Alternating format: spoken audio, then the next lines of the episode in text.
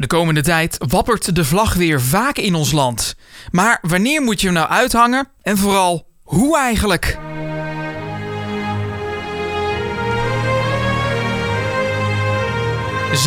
...27 april, dan is het Koningsdag. Dan hang je tot zonsondergang de vlag uit, inclusief de oranje wimpel. Want op Koningsdag vieren we de verjaardag van onze koning Willem-Alexander. Wanneer we het Koninklijk Huis eren, dan is het de bedoeling om dus de oranje wimpel ook te laten wapperen.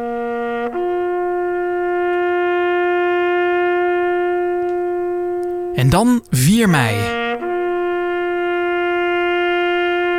Op 4 mei herdenken we alle oorlogsslachtoffers om precies 8 uur in de avond. Dan hang je vanaf 6 uur in de avond de vlag halfstok. Dat doe je tot zonsondergang. Eerder op de dag de vlag halfstok uithangen, dat mag ook. Maar in de regel gebeurt dit dus pas vanaf 6 uur s avonds. En de dag daarna op 5 mei. Het is een beetje gek in de huidige tijd, maar dan vieren we de.